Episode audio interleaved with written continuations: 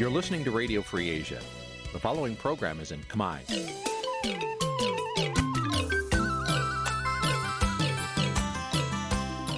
នេះជាកម្មវិធីផ្សាយ Vuthu Azizi Serai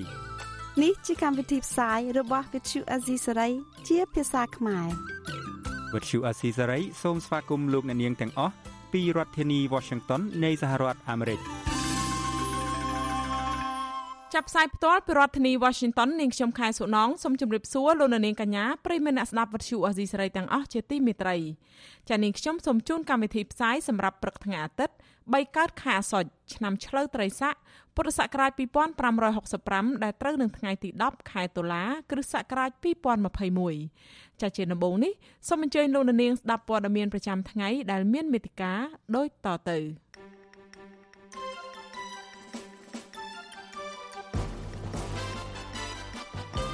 មន្ត្រីសង្គមស៊ីវិលស្នើរដ្ឋាភិបាលពិនិត្យវិធានការទប់ស្កាត់ជំងឺ Covid-19 ឲ្យបានត្រឹមត្រូវមុននឹងបើកប្រទេសឡើងវិញសាច់ញាតិស្នើសុំសមត្ថកិច្ចឲ្យមេសហជីពលោករងឈុនសម្រាប់ព្យាបាលជំងឺនៅក្រៅឃុំលោកសំរងស៊ីរំពឹងថាព្រះមហាក្សត្រនឹងមិនឡាយព្រះហស្ថលេខាលើសក្តីព្រៀងច្បាប់កំណត់សញ្ជាតិមេដឹកនាំកម្ពុជា កម្ពុជានាំអង្គចេញបាន130,000តោនក្នុងរយៈពេល3ខែចុងក្រោយនេះរួមនឹងព័ត៌មានផ្សេងផ្សេងមួយចំនួនទៀតចាជាបន្តទៅនេះនាងខ្ញុំខែសុណងសូមជូនព័ត៌មានទាំងនេះពិស្ដា ចាលោកនាងជាទីមេត្រីមន្ត្រីសង្គមស៊ីវិលយល់ឃើញថាការដែលរដ្ឋាភិបាលបានចាក់វ៉ាក់សាំងបង្ការជំងឺ Covid-19 ជូនប្រជាពលរដ្ឋបានស្ទើរ100%បែបនេះអាចជាមូលដ្ឋានរឹងមាំក្នុងការបើកដំណើរការសេដ្ឋកិច្ចនិងសង្គមឡើងវិញការលើកឡើងរបស់ក្រុមអង្គការសង្គមស៊ីវិលនេះគឺបន្ទាប់ពីលោកនាយករដ្ឋមន្ត្រីហ៊ុនសែនបង្ហាញពីបំណងបើកសេដ្ឋកិច្ចនិងសង្គមឡើងវិញក្នុងរយៈពេលខ្លីខាងមុខនេះ ចាប់ពីរដ្ឋធានី Washington អ្នកស្រីម៉ៅសុធានីរាយការណ៍ព័ត៌មាននេះមន្ត្រីសង្គមស៊ីវិលយល់ស្របថាស្ថានភាពនាពេលនេះរដ្ឋាភិបាលអាចបើកដំណើរការសេដ្ឋកិច្ចនិងសង្គមឡើងវិញដើម្បីជួយដោះស្រាយបញ្ហាជីវភាពរបស់ប្រជាពលរដ្ឋដែលកំពុងយ៉ាប់យ៉ឺនក៏ប៉ុន្តែពួកគេថារដ្ឋាភិបាលត្រូវពិនិត្យនិងឆ្លើយតបឲ្យបានគ្រប់ជ្រុងជ្រោយនៅវិធានការទប់ស្កាត់នៃជំងឺ Covid-19 និងធានា ថាការបើកសកម្មភាពសេដ្ឋកិច្ចនិងសង្គមទាំងនោះនឹងគ្មានហានិភ័យកើតឡើងម្ដងទៀតជាប្រធានសមាគមប្រជាធិបតេយ្យឯករាជ្យនៃសេដ្ឋកិច្ចក្រៅប្រព័ន្ធលោកវុនពៅមានប្រសាសន៍ថាអ្នកប្រកបមុខរបរក្រៅប្រព័ន្ធបានបាត់បង់ចំណូលស្ទើរតែទាំងស្រុងដោយសារវិធានការរបស់អាជ្ញាធរបន្តបិទសកម្មភាពការងារនិងដំណើរការមុខរបរឬអាជីវកម្មដើម្បីទប់ស្កាត់ជំងឺ Covid-19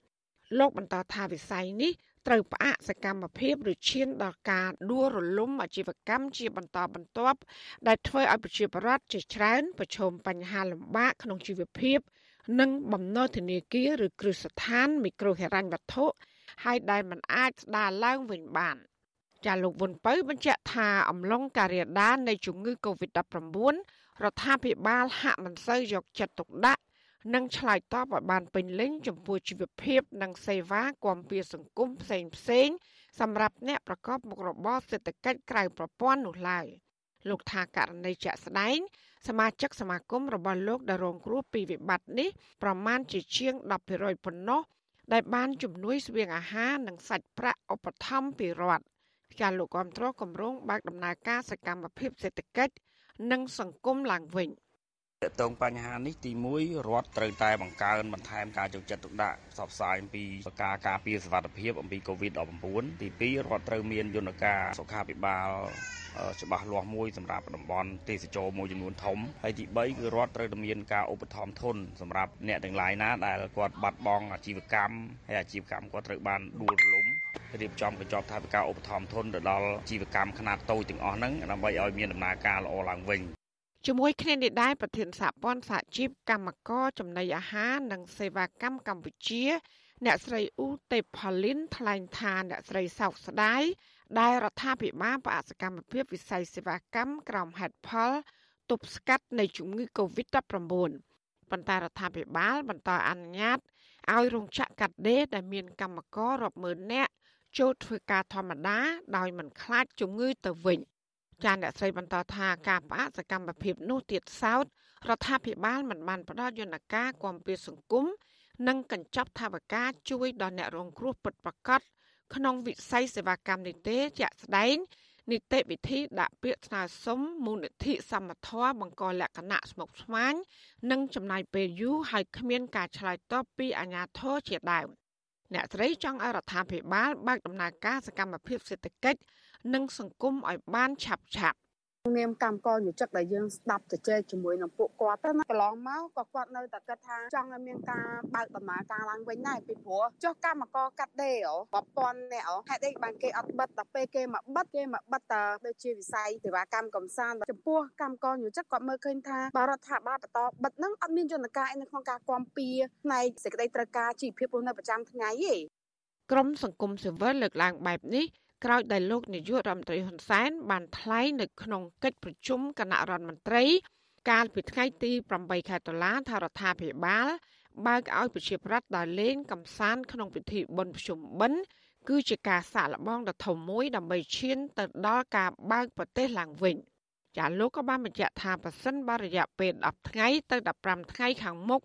ស្ថានភាពជំងឺ Covid-19 មានអត្រាអ្នកឆ្លង និងចំនួនអ្នកស្លាប់ក្នុងកម្រិតដូចបច្ចុប្បន្ននេះនោះកម្ពុជាអាចបើកសេដ្ឋកិច្ចនិងសង្គមឡើងវិញលើគ្រប់វិស័យចាជុំវិញរឿងនេះប្រធានអង្គភិបអ្នកនាំពាក្យរដ្ឋាភិបាលលោកផៃស៊ីផាន ប្រាប់វិទ្យុអសីសេរីបន្ថែមថាគោលដៅអតិភិបរបស់រដ្ឋាភិបាល គឺបើកសេដ្ឋកិច្ចនិងសង្គមដោយផ្ដោតលើវិស័យអប់រំរោងចក្រសហគ្រាសនិងវិស័យទេសចរក្នុងស្រុក ចាលោកបញ្ជាក់ថាអត្រាឆ្លងនិងស្លាប់ដោយសារជំងឺ Covid-19 ក្នុងអំឡុងពេល2សប្តាហ៍នេះនឹងត្រូវបានប្រើប្រាស់ជាមូលដ្ឋាន ក្នុងការបើកសេដ្ឋកិច្ចនិងសង្គមឡើងវិញយើងកំពុងតែពិចារណាហើយពិចារណាទៀតថាធ្វើយ៉ាងម៉េចកាត់បន្ថយឲ្យនៅទាបបំផុតពីហានិភ័យដែលកើតចេញពីជំងឺ Covid-19 នេះចាក្នុងរយៈពេលមួយសប្តាហ៍កន្លងមកនេះ តួលេខអ្នកឆ្លងថ្មីដែលក្រសួងសុខាភិបាលបានប្រកាសគឺមានជាង200នាក់ក្នុងមួយថ្ងៃរីឯអ្នកស្លាប់វិញ គឺមានចន្លោះពី10នាក់ទៅជាង20នាក់ប៉ុន្តែតួលេខនេះมันបានរាប់បញ្ចូលលទ្ធផលដែលពិនិត្យតាមឧបករណ៍តេស្តរហ័សឬ Rapid Test នោះទេចំណែកឯការចាក់វ៉ាក់សាំងវិញក្រសួងសុខាភិបាលប្រកាសថារដ្ឋាភិបាលចាក់ជូនប្រជាពលរដ្ឋបានជិត100%ហើយនៅទូទាំងប្រទេស ចាតតងរឿងនេះដែរតំណាងអង្គការសុខភាពពិភពលោកប្រចាំកម្ពុជា អ្នកស្រី Lee Island បានបង្ហោះសារលើបណ្ដាញ Twitter ថាកម្រិតចាក់វ៉ាក់សាំងដ៏ខ្ពស់នៅកម្ពុជានេះ បានផ្ដល់មូលដ្ឋានដ៏ល្អមួយសម្រាប់ការបើកដំណើរការសេដ្ឋកិច្ចនិងសង្គមឡើងវិញប្រកបដោយសុវត្ថិភាព និងការទទួលខុសត្រូវទោះជាយ៉ាងណាអ្នកស្រីសង្កត់ធ្ងន់ថាការចាក់វ៉ាក់សាំងបង្ការជំងឺ Covid-19 តែមួយមុខ គឺមិនទាន់គ្រប់គ្រាន់នោះទេពលគឺត្រូវរួមបញ្ចូលគ្នា ជាមួយវិធានការសុខភាពសាធារណៈនិងសង្គមរួមទាំងសមត្ថភាពថែទាំសុខភាពបន្ថែមទៀតចាននាងខ្ញុំម៉ៃសុធានីវិទ្យុអាស៊ីស្រីប្រធានាធិបតី Washington ចាលោកនាងកញ្ញាប្រិមមអ្នកស្ដាប់ជាទីមេត្រីចារឿងតាក់ទងទៅនឹងច្បាប់កំណត់សញ្ជាតិមួយឯនេះវិញលោកសំរងស៊ីប្រធានស្ដីទីគណៈបកសង្គ្រោះជាតិសង្ឃឹមថាព្រះមហាក្សត្រ និងមិនឡាយប្រហោះលេខាលើច្បាប់កំណត់សញ្ជាតិមួយលើមេដឹកនាំកម្ពុជាកម្ពុជារបស់ជាតិនោះទេក្រោយពេលព្រឹទ្ធសភាបញ្ជូនសេចក្តីព្រាងច្បាប់នេះថ្វាយទៅព្រះមហាក្សត្របកប្រឆាំងនឹងអ្នកវិភាគថាសេចក្តីព្រាងច្បាប់នេះធ្វើឡើងតាមកំហឹងនិងគ្មានប្រយោជន៍ទោះយ៉ាងណាអ្នកនាំពាក្យគណៈបកកណ្ដាលអំណាចរំពឹងថាព្រះមហាក្សត្រនឹងឡាយប្រហោះលេខា ដាក់ច្បាប់នេះឲ្យប្រើប្រាស់ជាក់ជាមិនខានចាប់ពីរដ្ឋធានី Washington លោកជាតិចំណានរាយការណ៍ព័ត៌មាននេះលោកសំរងស៊ី និយាយក្នុងវេទិកាសម្លេងសង្គ្រោះជាតិដែលផ្សាយផ្ទាល់តាមបណ្ដាញសង្គម Facebook ថាព្រះមហាក្សត្រព្រះបាទនរោត្តមសីហមុនីនឹងមិនបណ្ដោយឲ្យលោកហ៊ុនសែនធ្វើច្បាប់គៀបសង្កត់អ្នកស្នេហាជាតិនោះទេព្រះតម្រងសៀនុលោកពឹកគ្រោះយោបល់ជាមួយព្រះមហាក្សត្រសពថ្ងៃស្រាប់តែព្រះមហាក្សត្រសពថ្ងៃផ្ដល់យោបល់ទៅហ៊ុនសែនវិញថាអត់បានទេបើធ្វើច្បាប់បែបនេះខ្ញុំអត់មិនអាចនៅគង់ជាព្រះមហាក្សត្របានទៀតទេ ពីព្រោះខ្ញុំមានសញ្ជាតិ3វាហាមឃាត់មិនឲ្យសំរងស៊ីមានសញ្ជាតិ2ធ្វើជាបេក្ខជននាយករដ្ឋមន្ត្រីហើយថ្ងៃក្រោយធ្វើជារដ្ឋមន្ត្រីមែនទែនខ្ញុំមិនសុខអាចគង់ក្នុងឋានៈជាព្រះមហាក្សត្រទេខ្ញុំត្រូវតែដាក់រាជលោកសំរងស៊ីជាមេដឹកនាំបកប្រឆាំងដែលមានសញ្ជាតិបារាំងអះអាងថាបើត្រូវសាច់រឿងលោកនឹងលាលែងសញ្ជាតិបារាំងមុនចូលកាន់តំណែងលោកជំរុញឲ្យលោកហ៊ុនសែនធ្វើច្បាប់ឲ្យមានប្រយោជន៍គឺច្បាប់កំណត់នាយករដ្ឋមន្ត្រីប្រធានព្រឹទ្ធសភា ប្រធានរដ្ឋសភានិងប្រធានក្រុមប្រឹក្សាធម្មនុញ្ញឲ្យចូលនិវត្តន៍ត្រឹមអាយុ70ឆ្នាំនិងច្បាប់មួយទៀតកំណត់អាណត្តិនាយករដ្ឋមន្ត្រីត្រឹម2អាណត្តិខ្ញុំជំរុញឲ្យច្បាប់កំណត់អាយុ70ឆ្នាំឡើងទៅហ្នឹងគឺខ្ញុំអាយុ72ខ្ញុំអត់មានឱកាសឬក៏អត់មានសិទ្ធិអីទៅកាន់តំណែងអីទេដូច្នេះកុំឲ្យលោកហ៊ុនសែនខ្វល់អញ្ចឹងបានខ្ញុំនិយាយថាបើត្រូវសាច់រឿងណាខ្ញុំក៏ធ្វើធ្វើអីក៏ខ្ញុំធ្វើដែរឲ្យឲ្យតែជាតិយើងរីកចម្រើន ប្រតិកម្មរបស់លោកសំរងស៊ីនេះ ក្រោយពេលដែលទីស្តីការគណៈរដ្ឋមន្ត្រីរបស់លោកហ៊ុនសែនបានអនុម័តសេចក្តីព្រាងច្បាប់កែប្រែរដ្ឋធម្មនុញ្ញកំណត់សញ្ជាតិមេដឹកនាំកម្ពុជាខ្មែរឲ្យមានសញ្ជាតិតែមួយរដ្ឋាភិបាលលោកហ៊ុនសែនថាការកែប្រែរដ្ឋធម្មនុញ្ញនេះចាំបាច់ដើម្បីឲ្យមេដឹកនាំស្មោះត្រង់នឹងជាតិនិងកុំឲ្យបរទេសជាតិជាកិច្ចការផ្ទៃក្នុងរបស់កម្ពុជាទោះជាយ៉ាងណាគណៈបកប្រឆាំងនិងគណៈបកមួយចំនួនទៀតរួមទាំងអ្នកវិភាគផងថាសេចក្តីព្រាងច្បាប់នេះមិនទាន់ចាំបាច់នៅពេលដែលកម្ពុជាកំពុងមានវិបត្តិនយោបាយ ហើយបកកាន់អំណាចកំពុងគ្រប់គ្រងរដ្ឋសភាតែម្នាក់ឯង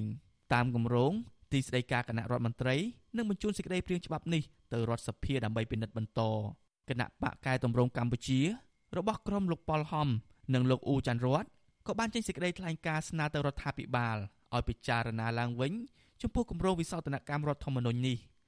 គណៈបកនេះយល់ថានេះជាការដកហូតសិទ្ធិពលរដ្ឋដែលមានសញ្ជាតិលើសពីមួយនិងជាការរើសអើងផ្នែកនយោបាយ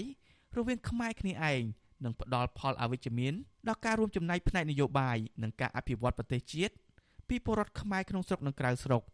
ទោះជាយ៉ាងណាអ្នកនាំពាក្យគណៈបកប្រជាជនកម្ពុជាលោកសុកអេសាននិយាយថាតាមនីតិវិធីសេចក្តីព្រាងច្បាប់នេះនឹងអាចទៅដល់ដៃរដ្ឋសភានៅដើមសប្តាហ៍ក្រោយអ្នកនាំពាក្យដដែលនិយាយថាមតិរិះគន់នានាទៅលើការធ្វើវិសោធនកម្មច្បាប់នេះ ជាមតិភាគតិចនៅមានចរិតនយោបាយដូច្នេះมันអាចរារាំងឬរាំងខ្ទប់ផែនការធ្វើច្បាប់នេះបានឡើយចំពោះការលើកឡើងរបស់លោកសំរងស៊ីថាព្រះមហាក្សត្រធ្លាប់បដិសេធសំណើលោកហ៊ុនសែនក្នុងការធ្វើច្បាប់នេះលោកសុកអេសានថានេះជាការប្រឌិតរបស់លោកសំរងស៊ីទោះជាយ៉ាងណាលោកទទួលស្គាល់ថាគំនិតកែប្រែច្បាប់នេះមិនមែនទៅតែកើតឡើងក្នុងពេលនេះទេ គឺមានយូរមកហើយ អានេះគ្រាន់តែជាសម្ដីតនដិតសំរងស៊ីយើងមិនអាចយកជាការបានទេពីព្រោះនឹងមនុស្សនឹងមានប្រវត្តិភូតភោកុហកច្រើនណាស់បណ្ឌិតរឿងថ្មីថ្មីច្រើនណាស់បាទខ្ញុំយល់ថាសេចក្តីព្រៀងច្បាប់ហើយក៏ដូចជាវិសោធនកម្មរដ្ឋធម្មនុញ្ញនេះគឺប្រកាសជានឹងត្រូវបានព្រះមហាក្សត្រទ្រង់ព្រះរាជទាននៅព្រះហស្ថលេខាឬព្រះរាជក្រមបកាឲ្យប្រើប្រាស់ជាមិនខានទេ ហើយបកូនណាលោកគោរពណាលោកទ្រង់គោរពនៅរដ្ឋធម្មនុញ្ញនៅរូបពុទ្ធវរាជទូនទីរបស់ព្រះអង្គវិសុអសិសរីមិនអាចសុំការថាធិប្បាយពីដំណើររឿងនេះពីអគ្គលេខាធិការដ្ឋានរដ្ឋសភាលោកលេងពេញឡុងបានទេនៅថ្ងៃទី9ខែតុលាតាក់ទងការធ្វើវិសោធនកម្មរដ្ឋធម្មនុញ្ញកំណត់សញ្ជាតិតែមួយសម្រាប់អ្នកនយោបាយកម្ពុជាកម្ពុជានេះដែរក្រុមបណ្ឌិតដែលខ្លំមើលបញ្ហានយោបាយបានពិភាក្សាគ្នាតាមបណ្ដាញប្រព័ន្ធ Zoom នៅថ្ងៃទី9ខែតុលា ក្រុមបណ្ឌិតទាំងនោះលើកឡើងស្តៀងស្តៀងគ្នាថាការប្រញាប់ធ្វើច្បាប់នេះគឺសំដៅចង់ផ្ដាច់ផ្លូវលោកសំរងស៊ីជាជាងការធ្វើច្បាប់ដើម្បីប្រយោជន៍ជាតិលោកបណ្ឌិតឡៅម៉ុងហៃលើកឡើងនៅក្នុងការជជែកគ្នានោះថាលោកបានមើលរដ្ឋធម្មនុញ្ញនិងវិភាគជាច្រើនដងច្រើនសាររួចមកហើយហើយលោកបារម្ភពីការកែប្រែច្បាប់រដ្ឋធម្មនុញ្ញនៅពេលនេះបណ្ឌិតឡៅម៉ុងហៃរិះគន់ទៀតថាការគ្រប់គ្រងនានាដែលបង្ហោះតាមបណ្ដាញសង្គមរាល់ថ្ងៃជាសេចក្តីគ្រប់គ្រងសពនិមិត្ត មានត្រឹមតែសម្បកក្រៅនិងមិនទំនងអ្វីនោះទេច្បាប់នេះមិនមែនជាសេចក្តីតែងឆន្ទៈរបស់ប្រជាជាតិទេ គឺជាច្បាប់ដែលសម្ដែងនៅទូស័កណាដែលខឹងស្អប់បាទរបស់ដែលបុគ្គលម្នាក់ក៏ថាបានដែរបាទហើយគឺសូមបញ្ជាក់ថែមទៀតបណ្ឌិតឡៅមង្ហៃលើកឡើងទៀតថាដើម្បីបញ្ជាការជាតិជ្រែកបរទេស រដ្ឋាភិបាលត្រូវបំពេញកាតព្វកិច្ចរបស់ប្រទេសកម្ពុជាដោយមានកំណត់ក្នុងកិច្ចព្រមព្រៀងសន្តិភាពទីក្រុងប៉ារីសឆ្នាំ1991លោកបន្តថាស្ថាប័នរដ្ឋទាំងអស់រួមមានទាំងព្រះមហាក្សត្រក្រមប្រឹក្សារដ្ឋសភាព្រឹទ្ធសភាតុលាការផងត្រូវបំពេញទូនាទីករណីកិច្ចនិងកាតព្វកិច្ចរៀងៗខ្លួនដូចមានចែងក្នុងរដ្ឋធម្មនុញ្ញទាំងសច្ចាប្រណិធានដូចមាននៅក្នុងរដ្ឋធម្មនុញ្ញនេះផងខ្ញុំបាទជាចំណាន Visual Society ពីរដ្ឋធានី Washington ចាលោកនាងកញ្ញាប្រិមមអ្នកស្ដាប់ជាទីមេត្រីថ្នាក់ដឹកនាំគណៈបកសង្គ្រោះជាតិថាសារនយោបាយរបស់មេដឹកនាំរបបឯកបកលោកហ៊ុនសែនដែលចង់បិទទ្វារនយោបាយរបស់គណៈបកប្រឆាំងតាមរយៈការកែប្រែរដ្ឋធម្មនុញ្ញចុងក្រោយនេះគឺជារឿងអត់ប្រយោជន៍និងមិនអាចផាត់ចោលគណៈបកប្រឆាំងដ៏ធំមួយចេញពីឆាកនយោបាយបានឡើយ តើគណៈបកប្រឆាំងមានសេណារីយ៉ូឬយុទ្ធសាស្ត្រនយោបាយបែបណាទៀតដើម្បីបើកទ្វារនយោបាយដែលលោកហ៊ុនសែនប្រកាសបិទតាមរយៈច្បាប់កំណត់សញ្ជាតិសម្រាប់មេដឹកនាំកម្ពុជានោះចាសសូមអញ្ជើញលោកនាងស្ដាប់កិច្ចសម្ភាសមួយរបស់លោកសេចបណ្ឌិតជាមួយអនុប្រធានគណៈបកសង្គ្រោះជាតិលោកអេងឆៃអៀងឆ្លើយតបទៅនឹងចំណោទបញ្ហាទាំងអស់នេះដោយតទៅចា៎អាយដាមអឺពាក់ព័ន្ធនឹងបញ្ហានេះ ហេតុអ្វីបានជាលើកយកច្បាប់ពីរនេះមកនៅពេលនេះនៅស្របពេលដែលនាយករដ្ឋមន្ត្រីកំពុងតែបង្កើនលបឿនអនុម័តទៅលើច្បាប់កំណត់សញ្ជាតិតែមួយសម្រាប់មេដឹកនាំកម្ពុជាកម្ពុជាដឹកនាំប្រទេសនោះបាទលោកសំរងស៊ីដែលជាមេដឹកនាំគណៈបកជំទាស់គណៈបកសុជាតិគាត់បានបង្ហាញទស្សនៈវិស័យមួយផ្ទុយពីលោកហ៊ុនសែនថាបើសិនជាយើងធ្វើច្បាប់យើងគួរធ្វើច្បាប់ដែលមានប្រយោជន៍ដល់ប្រទេសជាតិប្រយោជន៍ដល់មនុស្សចំនួនក្រោយ ចំនួនក្រោយដូចជាច្បាប់ដើម្បីកំណត់អាយុនាយករដ្ឋមន្ត្រី កំណត់អាយុមេដឹកនាំជាន់ខ្ពស់អ្នកនយោបាយអ្នកកាន់មុខងារសាធារណៈនានានឹងកុំឲ្យលើសពីឲ្យកាន់តំណែងកុំឲ្យលើសពីអាយុ70ឆ្នាំណាឲ្យត្រឹមទៅ70ឆ្នាំទៅហើយដាក់ឲ្យចូលនិវត្តន៍ទៅដើម្បីទុកឱកាសឲ្យអ្នកចំនួនថ្មី អ្នកចំនួនក្រោយដែលមានសមត្ថភាពនឹងគេមកដឹកនាំប្រទេសគេមកកសាងជាតិគេមកប្រប្រាស់គំនិតបញ្ញារបស់គេអានឹងគឺមានប្រយោជន៍ព្រោះយើងហ្នឹងគឺរាល់ថ្ងៃនេះទោះបីនៅក្នុងលក្ខន្តិកៈសហលក្ខន្តិកៈមន្ត្រីរាជការស៊ីវិលហ្នឹងគឺគេមានកំណត់អាយុចូលនិវត្តន៍ដែរត្រឹមដូចឋានឋានៈខ្លះ60ខ្លះ65ឆ្នាំប៉ុន្តែអ្នកខ្លះហ្នឹងមិនព្រមចូលនិវត្តន៍ផងហ្នឹងចេះតែពជាពេលរហូត ប៉ុន្តែអ្វីដែលលោកសំស៊ីស្នើនឹងគឺមិនមែនសំដៅតែមន្ត្រីមុខងារសាធារណៈទេសំដៅទៅលើអ្នកនយោបាយព្រោះចាប់ពីអាយុ70ឆ្នាំឡើងទៅនឹងដែលមិនគួរនៅបន្តកាន់តំណែងអីទេនឹងពោះដើម្បីឲ្យមនុស្សចំនួនក្រោយនេះគឺជាច្បាប់ដែលមានប្រយោជន៍ហើយនឹងច្បាប់ដ៏សំខាន់មួយទៀតដែលគណៈបកសង្គ្រោះជាតិបានដាក់នៅក្នុងកម្មវិធីនយោបាយដាក់នៅក្នុងលក្ខន្តិកៈរបស់ខ្លួននឹងគឺយើងឲ្យ អិសរាជជននយោបាយគឺកាន់តំណែងនាយករដ្ឋមន្ត្រីតែពីអាណត្តិដើម្បីកុំឲ្យអ្នកនឹងកាន់តំណែងយូរទៅវានៅខ្លាចជុតអាចការពីដំបូងធ្វើល្អទេប៉ុន្តែដល់កាន់ការយូរយូរឆ្នាំទៅគឺអានឹងធ្វើអីផ្ដេសផ្ដាសណាគេដុសស្លែអញ្ចឹងអានឹងគឺច្បាប់នឹងវាមានប្រយោជន៍វាមានគុណប្រយោជន៍សម្រាប់ប្រទេសជាតិនឹងអញ្ចឹងយើងឃើញទស្សនៈអ្នកនយោបាយតែពីផាក់ហ្នឹងវាផ្ទុយគ្នាអញ្ចឹងហើយពេលខ្លះបាននិយាយគ្នាវាមិនសូវត្រូវគ្នានឹងនឹងពោម្នាក់គិតតែរឿងផ្ទាល់ខ្លួន គិតតែរឿងគ្រួសារប្រយោជន៍ខ្លួនប្រយោជន៍អញតែម្នាក់ទៀតគេគិតអំពីប្រយោជន៍ជាតិបាទបាទអឺការលើកឡើង អំពីច្បាប់មួយចំនួនដែលគណៈបកប្រឆាំងគិតថាមានប្រយោជន៍ដូចជាច្បាប់កំណត់អាយុមន្ត្រីរាជការជួននិវត្តន៍ជាដើមការកំណត់អាណត្តិនាយករដ្ឋមន្ត្រីជាដើមនេះអញ្ចុះកាលពីឆ្នាំម្ដុំឆ្នាំ2013ដែលគណៈបកប្រឆាំងគណៈបកសង្គ្រោះជាតិកំពុងតែមានទឹកមាត់ប្រៃមានតំណាងរាស្ត្រនៅក្នុងពេញសភាអី ពេលនោះហេតុអីមិននាំគ្នាជំរុញច្បាប់នេះឲ្យចេញជាស្ថាពរនៅពេលនោះតែម្ដងឬមួយក៏យ៉ាងម៉េចដែរអាចតាមបាទពេលនោះយើងខាងយើងយើងអត់មានសម្លេងគ្រប់ទេនឹងហើយទោះទោះបីយើងចង់បានយើងទៀមទាក៏វាធ្វើអត់ចេញដែរវាក៏បានថាការជែកគ្នាទៅប៉ុណ្្នឹងទេប៉ុន្តែដល់លក្ខណៈបកប្រជាជនព្រមដែរអានឹងបានយើងធ្វើទៅបានអញ្ចឹងបីថាមានរឿងខ្លះណាយើង ចង់យើងមិនគ្រប់គ្រងទេប៉ុន្តែយើងត្រូវតែបង្ខំចិត្តទទួលយកដូចជាករណីសមាជិកគណៈកម្មការជាតិចំកាប់បោះឆ្នោតដែលពេលយើងទៅជែកធ្វើច្បាប់ច្បាប់បោះឆ្នោតជ្រើសតាំងតំណាងរាស្ត្រនឹងគឺពេលដំបូងហ្នឹងលោកហ៊ុនសែនក៏គ្រប់គ្រងបេក្ខភាពអ្នកស្រីពងជីកិច្ចឲ្យធ្វើជាបេក្ខភាពឯករាជ្យនៅក្នុងសមាជិកទី9របស់គណៈកម្មការជាតិចង់ការបោះឆ្នោតហើយគណៈបក្សជាតិក៏គ្រប់គ្រងដែរ ប៉ុន្តែក្រោយមកហ្នឹងប្រហែលជាលោកហ៊ុនសែនក៏ដេកគិតគេថាអូអត់ស្រួលទេមិនគិតមិនអាចប្រកបវិជាអ្នកស្រីពងជីកិច្ចបានទេពេលនោះឯងគាត់រកវិធីដើម្បីកុំឲ្យ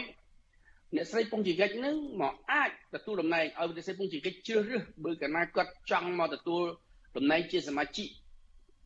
កោជបទៅលេលេលេសញ្ជាតិមួយអញ្ចឹងបានគាត់បង្ខំឲ្យច្បាប់គណៈ ច្បាប់បោះឆ្នោតជឿតាមបណ្ដារៀងនឹងត្រូវតែចែងថាសមាជិកគណៈកម្មការជាតិដែលចុះការបោះឆ្នោតទាំងអស់នឹងត្រូវតែមានសញ្ជាតិខ្មែរតែមួយហើយពេលនោះសួរថាចាំមិនយកគណៈបកសង្គ្រោះជាតិទទួលយកគឺយើងទទួលយកទាំងបង្ខំបើយើងមិនទទួលយកទេច្បាប់នឹងវាអត់ចេញគណៈកម្មការជាតិទីចង់ការបោះឆ្នោតវាអត់ត្រូវបានផ្លាស់ប្ដូរវានៅដដែលអានឹងឯងដែលលោកហ៊ុនសែនគាត់តែយកប្រើនឹងអញ្ចឹងយើងត្រូវតែបង្ខំយកយកច្បាប់នឹងទៅប៉ុន្តែសួរថា យើងពេញចិត្តទេអត់ពេញចិត្តទេអានេះនឹងព្រោះព្រោះអាគំនិតនឹងវាមិនមែនជាគំនិតទលំទលាយសម្រាប់បំរើផលប្រយោជន៍សង្គមផលប្រយោជន៍សាធារណៈទេអានឹងគឺជាគំនិតដើម្បីបិទទ្វារសម្រាប់មនុស្សម្នាក់ដែលខ្លួនមិនពេញចិត្តអីតែប៉ុណ្្នឹងទេនឹងការគំនិតធ្វើច្បាប់បែបនេះនឹងគឺជាគំនិតអន់ថយមែនតើណាគំនិតអន់ថយវាឆ្លុះបញ្ចាំងនៅយើងជាមនុស្សដែលគ្មានគិតពីប្រយោជន៍ រូបប្រយោជន៍សកលទេបាទវាខុសពីមេរណមនៃប្រទេសគេខ្ញុំចង់បើកវងកញ្ចក់រឿងដែលសំខាន់ដូចគេរឿងតកតនឹងច្បាប់សញ្ជាតិនេះតាមពិតនៅលើពិភពលោកយើងនេះណាបាទមានប្រទេសជាច្រើនគេបានកំណត់រឿងសញ្ជាតិនឹងប៉ុន្តែគេមិនមែនកំណត់តែមួយជ្រុងទេគឺគេកំណត់ឲ្យប្រជាជាតិរបស់គេដែលមករស់នៅលើទឹកដីគេឬទៅរស់នៅលើទឹកដីណាក៏ដោយ គឺឲ្យមានសញ្ជាតិតែមួយហ្នឹងគឺអត់ឲ្យបដូរសញ្ជាតិទេបើអ្នកឯងទៅបដូរទៅយកសញ្ជាតិមួយទៀតអ្នកឯងត្រូវបោះបង់សញ្ជាតិកំណើតសញ្ជាតិកំណើតអានឹងហើយបើអ្នកឯងចង់មកចូលសញ្ជាតិគេគឺអ្នកឯងត្រូវបោះបង់សញ្ជាតិកំណើតរបស់អ្នកឯងដែរដូចប្រទេសចិនអីជាដើមប្រទេសជប៉ុនប្រទេសឥណ្ឌាជាដើមគឺថា បើអ្នកឯងចង់បានសញ្ជាតិអាមេរិកឬសញ្ជាតិបារាំងត្រូវបោះបង់សញ្ជាតិកំណើតហើយជនជាតិដទៃទៀតបើចង់ទៅចង់ទៅណែយកសញ្ជាតិចិនត្រូវបោះបង់សញ្ជាតិកំណើតរបស់ខ្លួនដែរអានឹងអានឹងអានឹងបានវាជាលក្ខណៈមួយដែលយើងមើលទៅគឺថាច្បាប់នឹងគឺវាការពារការពារតម្លៃចិត្តសាសពុយសាសពិតប្រកបមែន ប៉ុន្តែដល់របបលោកហ៊ុនសែនគាត់ធ្វើច្បាប់នឹងផ្ទុយប៉ុន្តែបើប្រទេសក្រីក្រប្រទេសតូចតាចប្រទេសដែលមិនទាន់ខ្លួនឯងមិនទាន់មានភាពរឹងប៉ឹងរឹងមាំហ្នឹងគឺគេអត់ទៅចងរឿងសេចក្ដីទេនឹងពោយើងឃើញហើយគឺថា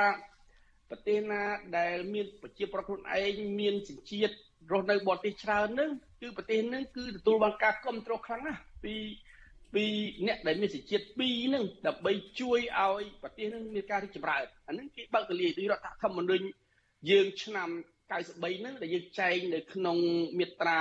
32ឬ33ខ្ញុំមិនចាំមាត្រាច្បាស់ទេគឺគេចែងថាប្រជាប្រដ្ឋខ្មែររស់នៅបរទេសត្រូវបានគ្រប់គ្រងត្រូវបានរត់កំពីអានឹងសំខាន់ណាស់ព្រោះយើងដឹងថាប្រជាប្រដ្ឋខ្មែរដែលដែលចាក់ចេញពីប្រទេសរបស់ខ្លួន ក្នុងរយៈពេលកន្លងមកនេះគឺមិនមែនចាក់ចេញមកដោយបង្ខំទេគឺដោយសារគឺដោយដោយស្ម័គ្រចិត្តទេគឺចាក់ចេញដោយបង្ខំដោយសារស្ថានភាពនយោបាយស្ថានភាពសង្គមស្ថានភាពសេដ្ឋកិច្ចណាវាប្រឈមនឹងការកាប់សម្លាប់ប្រឈមនឹងការអត់ឃ្លានត្រូវចាក់ចេញមកប៉ុន្តែដល់ពេលមកដល់ប្រទេសទី3គឺម្នាក់ម្នាក់ទទួលបានសិទ្ធិជាតិរូបអីចឹងប៉ុន្តែដល់ពេលបានសិទ្ធិជាតិហើយគឺម្នាក់ម្នាក់គឺនៅតែមានទឹកចិត្ត ទៅចិត្តទៅស្រឡាញ់ខ្មែរការពារផលប្រយោជន៍ខ្មែរចង់ជួយខ្មែរអញ្ចឹងបើយើងទៅធ្វើច្បាប់ដើម្បីបិទសិទ្ធិប្រជាប្រដ្ឋខ្លួនឯងដែលមានឆន្ទៈចង់ជួយប្រទេសជាតិហ្នឹងគឺវាចប់ហ្នឹងហ្នឹងគឺគឺវាចប់ប៉ុន្តែលោកហ៊ុនសែនគាត់ថាគាត់ថាឆ្លាតក៏ដូចមិនឆ្លាតគាត់ថាចង ត្រាប់តែមនុស្ស4នាក់ឯអ្នកផ្សេងទៀតគឺគាត់ថាទុកគិតបំរើផលប្រយោជន៍ ថាមានសក្តានុពលជួយប្រជាប្រដ្ឋខ្មែរអញ្ចឹងបានឃើញថាច្បាប់ដែលខិតកែច្បាប់ធម្មនុញ្ញដែលគាត់ធ្វើវិសោធកម្មនេះគឺជាច្បាប់លបឡែច្បាប់លេងសើចដូចច្បាប់កូនក្មេងអញ្ចឹងណាអានឹងវាមិនមែនជាច្បាប់សម្រាប់អ្នកនយោបាយដែលមានភាពចាស់ទុំសម្រាប់បំរើឲ្យប្រយោជន៍ប្រទេសជាតិនិងណែបំរើប្រយោជន៍សាធារណៈឬប្រយោជន៍បំរើប្រយោជន៍ ជារាជខ្លួនឯងនេះបាទបាទឥឡូវនេះទោះយ៉ាងណាក៏ដោយច្បាប់នេះយូរនឹងឆាប់នឹងបានចេញជាផ្លូវការហើយការចេញច្បាប់នេះជាផ្លូវការលោកនាយករដ្ឋមន្ត្រីហ៊ុនសែនប្រកាសថាជាការបិទទ្វារក្នុងការវិលត្រឡប់របស់គណៈបព្វឆាំងដែលគោលដៅអញ្ចឹងឬក៏អ្នកដែលចង់ធ្វើជានាយករដ្ឋមន្ត្រីអញ្ចឹងក៏ដោយចុះក្នុងការប្រកាសបិទផ្លូវបិទទ្វារយ៉ាងដូចនេះតើគណៈបព្វឆាំងមានសេណារីយ៉ូឬមួយក៏យុទ្ធសាស្ត្រនយោបាយបែបណាក្នុងការបើកទ្វារនេះឲ្យដំណើរការឡើងវិញហើយគណៈបព្វឆាំងមានលទ្ធភាពចូលទៅក្នុងប្រទេសដើម្បីរៀបចំការបោះឆ្នោតដែលនឹងកើតនៅឆ្នាំ2023 2022និងឆ្នាំ2023ខាងមុខនេះបាទបាទច្បាប់នឹងมันអាចមកបិទទ្វារនៅចលនានៃការតស៊ូរបស់ពួកយើងបានទេព្រោះការតស៊ូរបស់យើងមិនមែនការតស៊ូដើម្បីទៅការពារសញ្ជាតិមួយសញ្ជាតិពីរនោះទេការតស៊ូរបស់យើងគឺដើម្បីឲ្យប្រទេសកម្ពុជា មានប្រជាធិបតេយ្យពិតប្រាកដមានការគោរពសិទ្ធិមនុស្សពិតប្រាកដហើយធានានៃការបោះឆ្នោតមួយ ដោយសេរីត្រឹមត្រូវយុត្តិធម៌បាទជាពិសេសនៃការបោះឆ្នោតនៅពេលខាងមុខនេះនេះគឺជាបំណងរបស់យើងការប្រឹងប្រែងរបស់យើងហើយជំហរនេះគឺយើងអត់មានអីផ្លាស់ប្ដូរទេហើយគឺលោកសំស៊ីគាត់បានបញ្ជាក់ក្នុងនាមគាត់ជាមេដឹកនាំរបស់គណៈបក្សជាតិដែលក្នុងសម្លេងរបស់គាត់គឺជាសម្លេងរបស់គណៈបក្សជាតិគឺគាត់បានបញ្ជាក់ឲ្យថា ការតស៊ូរបស់គាត់ដែលគាត់ដឹកនាំការតស៊ូរាល់ថ្ងៃនេះគឺមិនមែនគាត់ដឹកចង់ទៅកាន់តំណែងជានាយករដ្ឋមន្ត្រីជាប្រធានរដ្ឋសភាប្រធានព្រឹទ្ធសភាទេគឺគាត់តស៊ូដើម្បីឲ្យកម្ពុជាមានការផ្លាស់ប្ដូរមួយពិតប្រាកដនាំប្រទេសកម្ពុជាទៅកាន់វិថីមួយវាថាវិថីប្រជាធិបតេយ្យការគ្រប់សិទ្ធិមនុស្សហើយនឹងមានការអភិវឌ្ឍពិតប្រាកដតែប៉ុណ្្នឹងទេ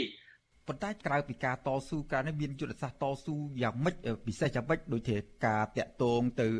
ធ្វើនយោបាយនៅក្រៅប្រទេសតាក់ទងនឹងធ្វើយុទ្ធសាស្ត្រយ៉ាងម៉េចដើម្បីមានកម្លាំងឬមួយក៏មានរហូតដល់មានការចរចាឬក៏បើកទ្វារនយោបាយឡើងវិញសុបលក្លីចុងក្រោយនេះបាទសម្រាប់នយោបាយ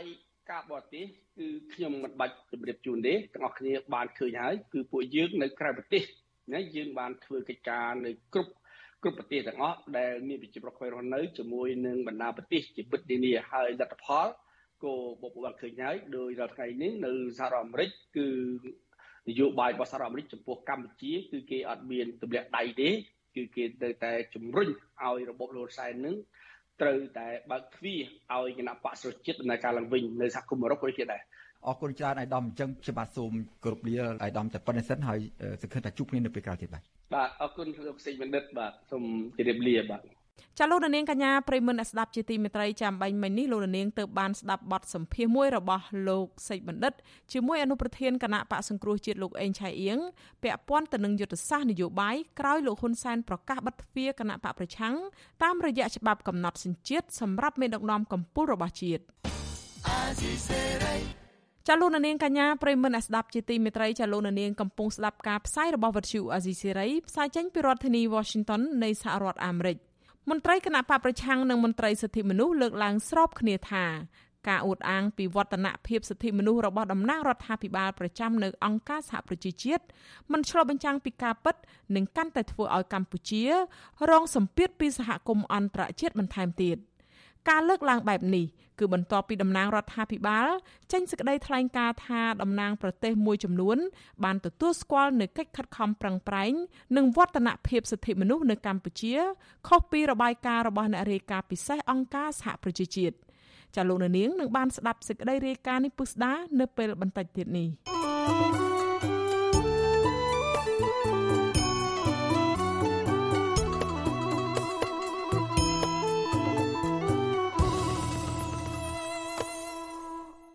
ចាលោកនាងកញ្ញាប្រិមម្នាក់ស្ដាប់ជាទីមេត្រីចាសក្តីរាយការណ៍តាក់ទងទៅនឹងមន្ត្រីសិទ្ធិការងារឯនេះវិញសាច់ញាតិមេសហជីពលោករងឈុនបន្តអំពាវនាវដល់អាជ្ញាធរពន្ធនាគារអនុញ្ញាតឲ្យលោកបានសម្រាកព្យាបាលត្រឹមត្រូវនៅខាងក្រៅឃុំបើទោះបីជាមុខរបួសវះកាត់ភ្នែកម្ខាងរបស់លោករងឈុនបានជាសះស្បើយជាងពាក់កណ្ដាលហើយក៏ដោយ។ មន្ត្រីសង្គមស៊ីវិលថាការអនុវត្តច្បាប់មានស្តង់ដារពីររវាងអ្នកជាប់ឃុំជាសកម្មជនសង្គមនិងអ្នកមានលុយមានអំណាចនឹងបណ្ដាលឲ្យមានការរិះគន់ស្ថានភាពជំងឺភ្នែករបស់ប្រធានសហភាពសហជីពកម្ពុជានិងជាតំណាងក្រុមប្រឹក្សាឃ្លាំមើលកម្ពុជាលោករងឈុនបានវិវត្តមកភាពល្អប្រសើរគ្រាន់បើឡើងវិញហើយក្រោយការវះកាត់ដុំឈាមកកក្នុងភ្នែកស្ដាំ។ ប៉ុន្តែការសម្រាកព្យាបាលមុខរបួសនៅកន្លែងចង្អៀតណែននិងគ្មានអនាម័យបណ្ដាលឲ្យមុខរបួសរបស់លោកមិនងាយជាសះស្បើយដោយការសម្រាកនៅក្នុងមន្ទីរពេទ្យឬនៅផ្ទះនោះទេក្មួយប្រុសរបស់លោករងឈុនគឺលោករងវិជាប្រាប់វិទ្យុអាស៊ីសេរីនៅថ្ងៃទី9តុលាថា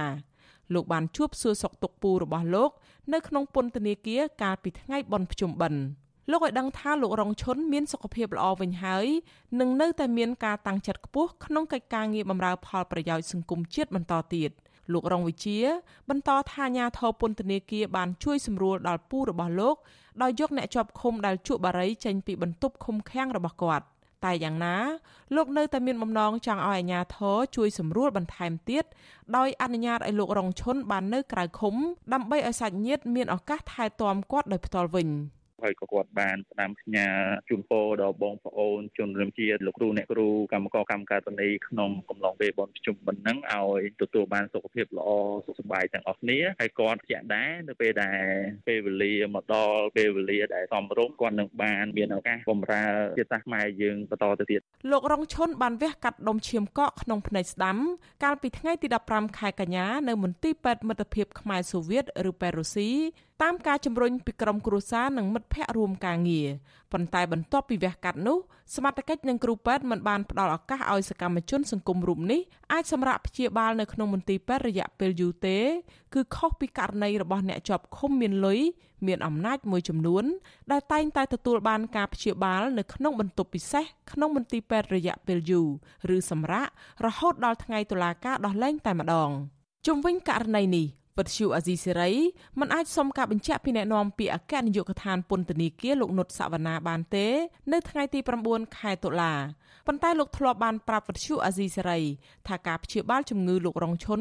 គឺតាក់ទងទៅនឹងការវិនិច្ឆ័យតាមបែបវិជ្ជសាស្ត្ររបស់គ្រូពេទ្យឯមន្ត្រីពន្ធនាគារនឹងចាំអនុវត្តតាម តែយ៉ាងណាក្រុមអង្គការសង្គមស៊ីវិលនិងសកម្មជន បានរិះគន់ថាអាញាធរអនុវត្តស្តង់ដារ2ចំពោះករណីព្យាបាលជំងឺរបស់លោករងឈុននេះស្តង់ដារ2នោះគឺអាញាធរបានអនុញ្ញាតឲ្យជនជាប់ឃុំដែលមានអធិបុលមានទ្រព្យសម្បត្តិឬមានអំណាចអាចសម្រាប់ព្យាបាលនៅក្នុងបន្ទប់ពិសេសនៃមន្ទីរពេទ្យរដ្ឋបានរាប់ខែឬរាប់ឆ្នាំរហូតដល់មានការដោះលែងក្រោមហេតុផលទទួលបានការព្យាបាលជំងឺ។ ប្រធានសមាគមគ្រូបង្រៀនកម្ពុជាឯករាជ្យអ្នកស្រីអុកឆាយាវី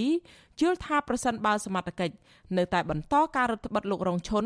មិនឲ្យចេញមកព្យាបាលជំងឺនៅខាងក្រៅឃុំត្រឹមត្រូវទៀតរដ្ឋាភិបាលនិងសមត្ថកិច្ចអាចរងការរិះគន់ថាអនុវត្តច្បាប់មានស្តង់ដារ2ឬមានចេតនានយោបាយធ្វើបាបសកម្មជនសង្គមអ្នកស្រីនៅតែជំរុញឲ្យសមត្ថកិច្ចអនុញ្ញាតឲ្យលោករងឈុនបានចេញមកសម្រាប់ព្យាបាលជំងឺនៅខាងក្រៅពន្ធនាគារ រឿងរបស់លោករងឈុនជារឿងនយោបាយសុទ្ធសាធអញ្ចឹងណាបើនយោបាយតិចទៅគឺគាត់ឆាប់បាននៅក្រៅឃុំគ្មានច្បាប់ឯណាគ្រាន់តែឈឺឆ្អាលរឿងប្រទេសជាតិរឿងសង្គមត្រូវជាប់ពន្ធនាគារ2ឆ្នាំអីទេចានេះសិតតែជារឿងនយោបាយសុទ្ធសាធរបបក្រុងភ្នំពេញបានចាប់លោករងឈុនដាក់ពន្ធនាគារជាង1ឆ្នាំហើយដោយសារលោកបានបញ្ចេញមតិអំពីបញ្ហាព្រំដែនកម្ពុជាវៀតណាម តុលាការក្រុងភ្នំពេញបានកាត់ទោសឲ្យលោកជាប់ពន្ធនាគារ2ឆ្នាំក្នុងកម្រិតទោសខ្ពស់បំផុតនៃបទញុះញង់ឲ្យប្រព្រឹត្តអំពើបង្កឲ្យមានភាពវឹកវរធ្ងន់ធ្ងរដល់សន្តិសុខសង្គមទន្ទឹមនឹងនេះតុលាការក៏បង្គាប់ឲ្យលោកបង់សំណងរួមគ្នា ជាមួយសកម្មជន2នាក់ទៀតចំនួន1សែនដុល្លារដល់គណៈកម្មាធិការចម្រុះកិច្ចការព្រំដែន។ សហគមន៍ជាតិនិងអន្តរជាតិបានថ្កោលទោសសាលក្រមនេះថាអយុត្តិធម៌និងជាការដាក់ទោសទណ្ឌទៅលើសេរីភាពបញ្ចេញមតិ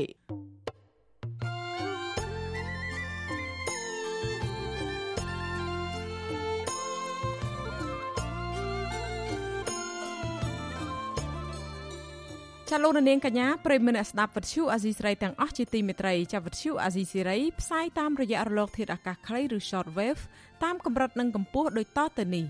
ពេលព្រឹកចាប់ពីម៉ោង5កន្លះដល់ម៉ោង6កន្លះតាមរយៈរលកធាតុអាកាសខ្លី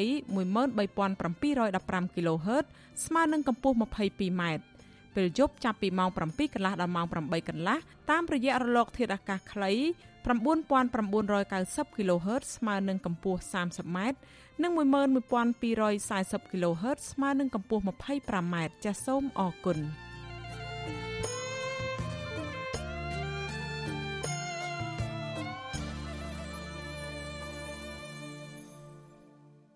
ចាលោកនាងកញ្ញាប្រិមនស្ដាប់ជាទីមេត្រីចាតកតងទៅនឹងស្ថានភាពពលករចំណាក់ស្រុកឯនេះវិញកងកម្លាំងតំបន់ប្រតិបត្តិការសឹករងខេត្តបន្ទាយមានជ័យបានឃាត់ខ្លួនពលរដ្ឋចំនួន29នាក់ បំរុងលួចចូលឆ្លងដែនទៅប្រទេសថៃ ក្នុងភូមិសាស្ត្រភូមិលវាឃុំបឹងបេងស្រុកម៉ាឡៃសមត្ថកិច្ចឲ្យដឹងថាក្រោយពីបានសាកសួរនិងណែនាំអប់រំប្រជាពលរដ្ឋទាំងនោះពួកគេត្រូវបានបញ្ជូនទៅមណ្ឌលចតាឡៃស័កក្នុងស្រុកម៉ាឡៃរយៈពេល14ថ្ងៃដោយនឹងមិនបញ្ជូនទៅតុលាការនោះទេការលួចឆ្លងដែនរបស់ពលរដ្ឋខ្មែរទៅរកការងារធ្វើនៅក្នុងប្រទេសថៃជាបន្តបន្ទាប់នេះ ដោយសារពួកគាត់ខ្វះខាតជីវភាពរស់នៅគ្មានការងារធ្វើនៅក្នុងស្រុកនិងជំពាក់បំណុលធនាគារឬគ្រឹះស្ថានមីក្រូហិរញ្ញវត្ថុជាដើមអង្គការសង្ត្រាល់បានដឹងថាចាប់តាំងពីខែមករារហូតដល់ខែកក្កដាក្នុងឆ្នាំ2021មានពលរដ្ឋខ្មែរប្រមាណជាង700នាក់ត្រូវបានឃាត់ខ្លួនពាក់ព័ន្ធទៅនឹងការលួចឆ្លងដែនខុសច្បាប់ទៅរកការងារធ្វើនៅប្រទេសថៃក្នុងនោះមនុស្សជាង300នាក់ត្រូវបានអាជ្ញាធរចាប់ខ្លួននិងបញ្ជូនទៅចាត់ការតាមនីតិវិធី។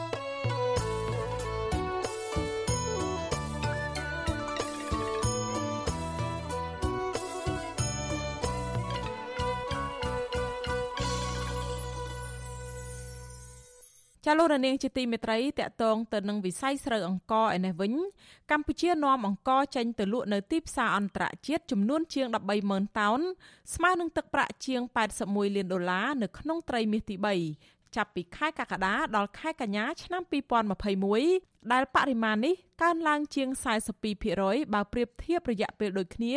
ដែលមានប្រមាណជាង90,000តោនកាលពីឆ្នាំ2020 អនុប្រធានសហព័ន្ធស្រូវអង្ករកម្ពុជាលោកច័ន្ទសុខៀងត្រូវបានកាសែតភ្នំពេញប៉ុស្តិ៍ដកស្រង់សម្ដីថាទោះបីជាមានការកើនឡើងក្នុងត្រីមាសទី3នេះក៏ដោយបើសរុបបរិមាណនាំអង្ករចេញរយៈពេល9ខែឆ្នាំ2021គឺមានសរុបជាង41ម៉ឺនតោនដែលធ្លាក់ចុះជិត16%បើប្រៀបធៀបរយៈពេល9ខែដូចគ្នា កាលពីឆ្នាំ2020ដែលមានជិត49ម៉ឺនតោន លោកច័ន្ទសុខៀងបន្តថាការកើនឡើងតម្លៃដឹកជញ្ជូនទំនិញនៅលើទីផ្សារអន្តរជាតិនិងបញ្ហាកង្វះខាតទូកុងតឺន័រផ្ទុកទំនិញនេះហើយបានក្លាយជាឧបសគ្គដ៏ធំសម្រាប់ផែនការនាំចេញអង្ករកម្ពុជាទៅទីផ្សារអន្តរជាតិក្នុងឆ្នាំ2021នេះទីផ្សារដែលទទួលទិញអង្ករពីប្រទេសកម្ពុជាច្រើនជាងគេគឺប្រទេសចិន ហុងកុង និងម៉ាកាវដែលសរុបជិត50%ប្រទេសនៅសហគមន៍អឺរ៉ុប រួមទាំងអង់គ្លេសផង មានជិត27%និងប្រមាណជាង20%នាំចេញទៅប្រទេសផ្សេងៗទៀតកាលពីឆ្នាំ2020កម្ពុជាបាននាំចេញអង្ករសរុបជិត70ម៉ឺនតោនដោយគិតតម្លៃជាប្រាក់សរុបជិត539លានដុល្លារ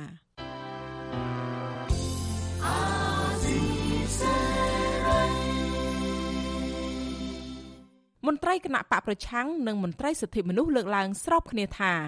ការអួតអាងពីវឌ្ឍនភាពសិទ្ធិមនុស្សរបស់តំណាងរដ្ឋាភិបាលប្រចាំនៅអង្គការសហប្រជាជាតិមិនបានឆ្លុះបញ្ចាំងពីការពិតនិងកាន់តែធ្វើឲ្យកម្ពុជា រងសម្ពាធពីសហគមន៍អន្តរជាតិបន្ថែមទៀត។ការលើកឡើងបែបនេះគឺបន្ទាប់ពីតំណាងរដ្ឋាភិបាលចេញសេចក្តីថ្លែងការណ៍ថាតំណាងប្រទេសមួយចំនួន បានទទួលស្គាល់នូវកិច្ចខិតខំប្រឹងប្រែងនិងវឌ្ឍនភាពសិទ្ធិមនុស្សនៅកម្ពុជាខុសពីរបាយការណ៍របស់អ្នករាយការណ៍ពិសេសអង្គការសហប្រជាជាតិ មន្ត្រីគណៈបកសង្គ្រោះជាតិនិងមន្ត្រីសិទ្ធិមនុស្សលើកឡើងថាការដែលរដ្ឋាភិបាលលោកហ៊ុនសែនព្យាយាមការពារទង្វើរំលោភសិទ្ធិមនុស្សនិងការបំផ្លាញលទ្ធិប្រជាធិបតេយ្យនៅក្នុងកិច្ចប្រជុំកម្រិតអន្តរជាតិនោះពុំបានផលប្រយោជន៍អ្វីដល់សង្គមជាតិនោះឡើយ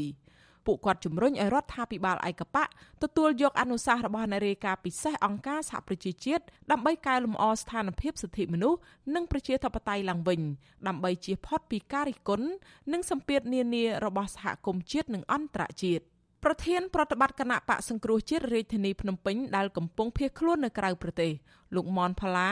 ថ្លែងថាអ្នករាយការណ៍ពិសេសរបស់អង្គការសហប្រជាជាតិគ្រប់រូបសុទ្ធតែធ្វើការងារដោយឯករាជ្យនិងមានវិជ្ជាជីវៈច្បាស់លាស់ដូច្នេះរាល់របាយការណ៍របស់ពួកគាត់សុទ្ធតែឆ្លុះបញ្ចាំងពីការពិត។ លោកបន្តថាសេចក្តីថ្លែងការណ៍របស់របបក្រុងភ្នំពេញប្រចាំនៅអង្គការសហប្រជាជាតិទៅវិញទេ ដែលមានចរិតនយោបាយនិងធ្វើឡើងក្នុងបំណងបិទបាំងការពិតឬបំភាន់មតិជាតិនិងអន្តរជាតិ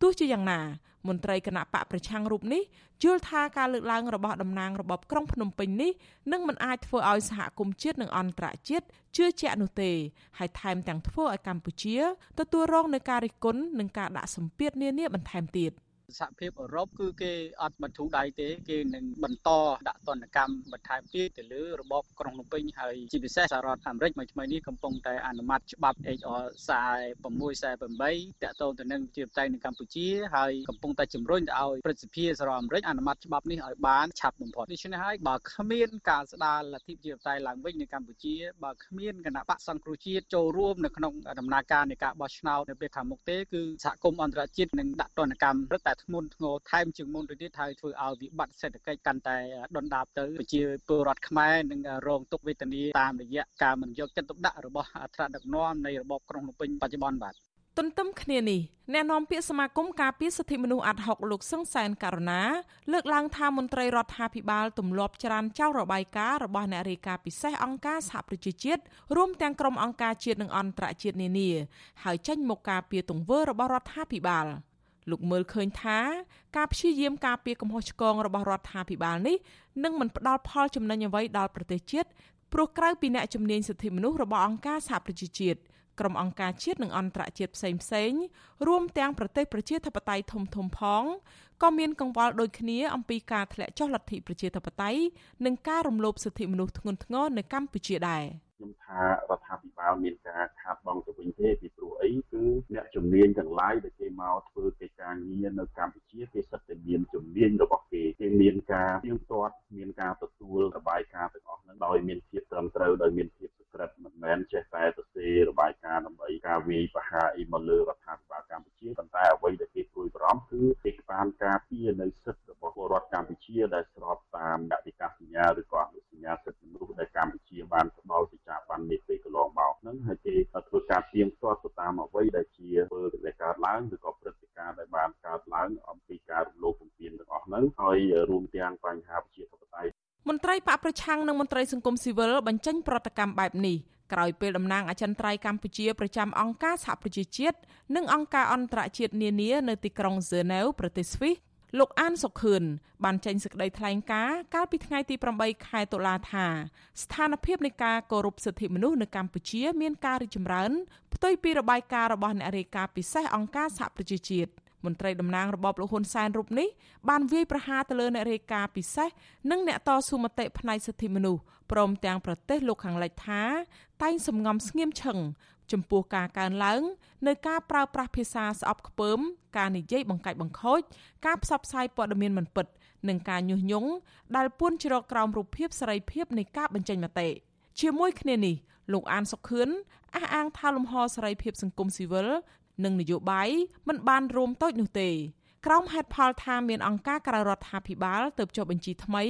កើនឡើងដល់ជិត6000អង្គការនិងមានអតីតមន្ត្រីគណៈបកប្រឆាំងចំនួន26រូបទទួលបានសិទ្ធិធ្វើនយោបាយឡើងវិញការលើកឡើងរបស់លោកអានសុខឿននេះគឺជាការឆ្លើយតបទៅនឹងរបាយការណ៍លើកដំបូងរបស់អ្នករាយការណ៍ពិសេសអង្គការសហប្រជាជាតិស្ដីពីស្ថានភាពសិទ្ធិមនុស្សនៅកម្ពុជា លោកវីតិតមុនតាបនដែលលោកបានបង្ហាញអំពីការធ្លាក់ចុះនៃលំហប្រជាធិបតេយ្យសិទ្ធិពលរដ្ឋ និងសិទ្ធិនយោបាយព្រមទាំងបញ្ហាមួយចំនួនទៀតទាក់ទងនឹងសិទ្ធិសេដ្ឋកិច្ចសង្គមនិងវប្បធម៌បញ្ហាដីធ្លី និងបរិស្ថាន សង្គមស៊ីវិលកិច្ចពិគ្រោះយោបល់និងកិច្ចសហប្រតិបត្តិការជាដើមអ្នករាយការណ៍ពិសេសរូបនេះបានធ្វើបទបង្ហាញអំពីរបាយការណ៍នេះក្នុងសម័យប្រជុំលើកទី48នៃក្រុមប្រឹក្សាសិទ្ធិមនុស្សអង្គការសហប្រជាជាតិកាលពីថ្ងៃទី6ខែតុលា អ្នកខ្លំមើលស្ថានភាពកម្ពុជាវិយតម្លៃថាស្ថានភាពលទ្ធិប្រជាធិបតេយ្យនិងសិទ្ធិមនុស្សកំពុងតែធ្លាក់ចុះដុនដាបខ្លាំងបំផុតដោយសារតែរបបលោកហ៊ុនសែននៅតែបន្តយុទ្ធនាការធ្វើទុកបុកម្នេញលើសមាជិកគណៈបកប្រឆាំងនិងគ្រួសាររបស់ពួកគេព្រមទាំងក្រុមអ្នករិះគន់រហូតមកទល់ពេលនេះទង្វើរំលោភសិទ្ធិមនុស្សទាំងនេះភាគច្រើនកើតឡើងជាចំហដែលមិនអាចបិទបាំងបានឡើយ ជាឧទាហរណ៍អាញាធររបបក្រុងភ្នំពេញបានតាមបង្ក្រាបប្រពន្ធកូនរបស់សកម្មជនគណៈបកប្រឆាំងរហូតដល់មុខការិយាល័យអង្គការសហប្រជាជាតិប្រចាំកម្ពុជា និងនៅតាមស្ថានទូតប្រទេសប្រជាធិបតេយ្យរាល់ពេលពួកគេជួបជុំដោយសន្តិវិធី ដើម្បីស្វែងរកយុត្តិធម៌និងទាមទារដោះលែងអ្នកជាប់ឃុំជុំវិញរឿងនេះ លោកសឹងសែនករណា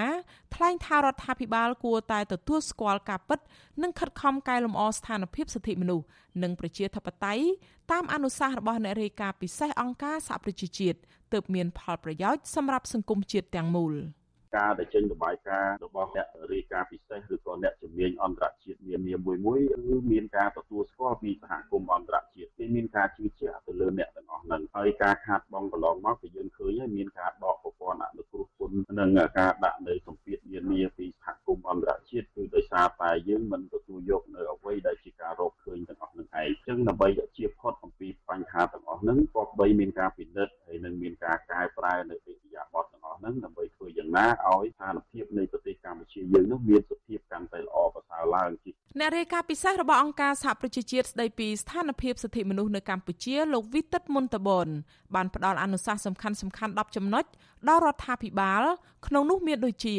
ការកែលម្អជាបន្ទាន់ចំពោះច្បាប់គោលនយោបាយនិងការអនុវត្តនានា ដែលមានលក្ខណៈជាការរឹតបន្តឹងធ្ងន់ធ្ងរ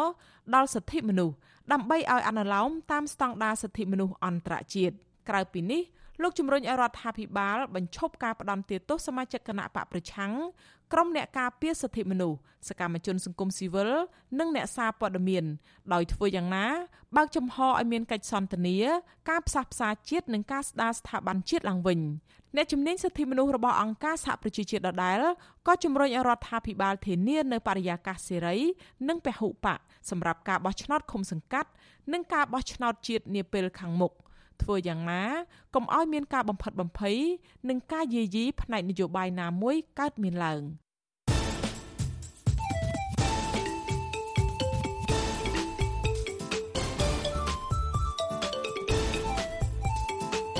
បាត់វិភាគ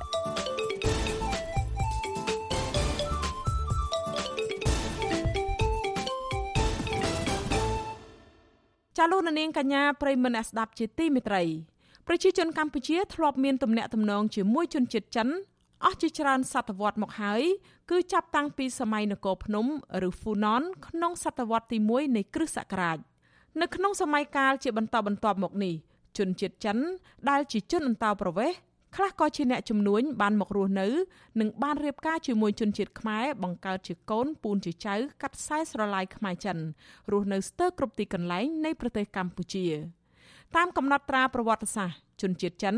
ដែលមកចូលរស់នៅក្នុងទឹកដីប្រទេសកម្ពុជានៅសម័យកាលមុនមុនបានខិតខំធ្វើសមាហរណកម្មខ្លួនឯងចូលទៅក្នុងសង្គមខ្មែរយ៉ាងឆាប់រហ័សនិងពុំសូវបង្កជាបញ្ហាជាមួយប្រជាពលរដ្ឋខ្មែរដែលជាម្ចាស់ស្រុកនោះឡើយ។ដោយឡែកជនជាតិចិនដែលជាអ្នកចំណូលថ្មី មករស់នៅលើទឹកដីកម្ពុជាក្នុងសម័យចុងក្រោយនេះពួកគេហាក់ពុំសូវត្រូវបានពលរដ្ឋខ្មែរជាម្ចាស់ស្រុកពេញចិត្តប៉ុន្មាននោះទេ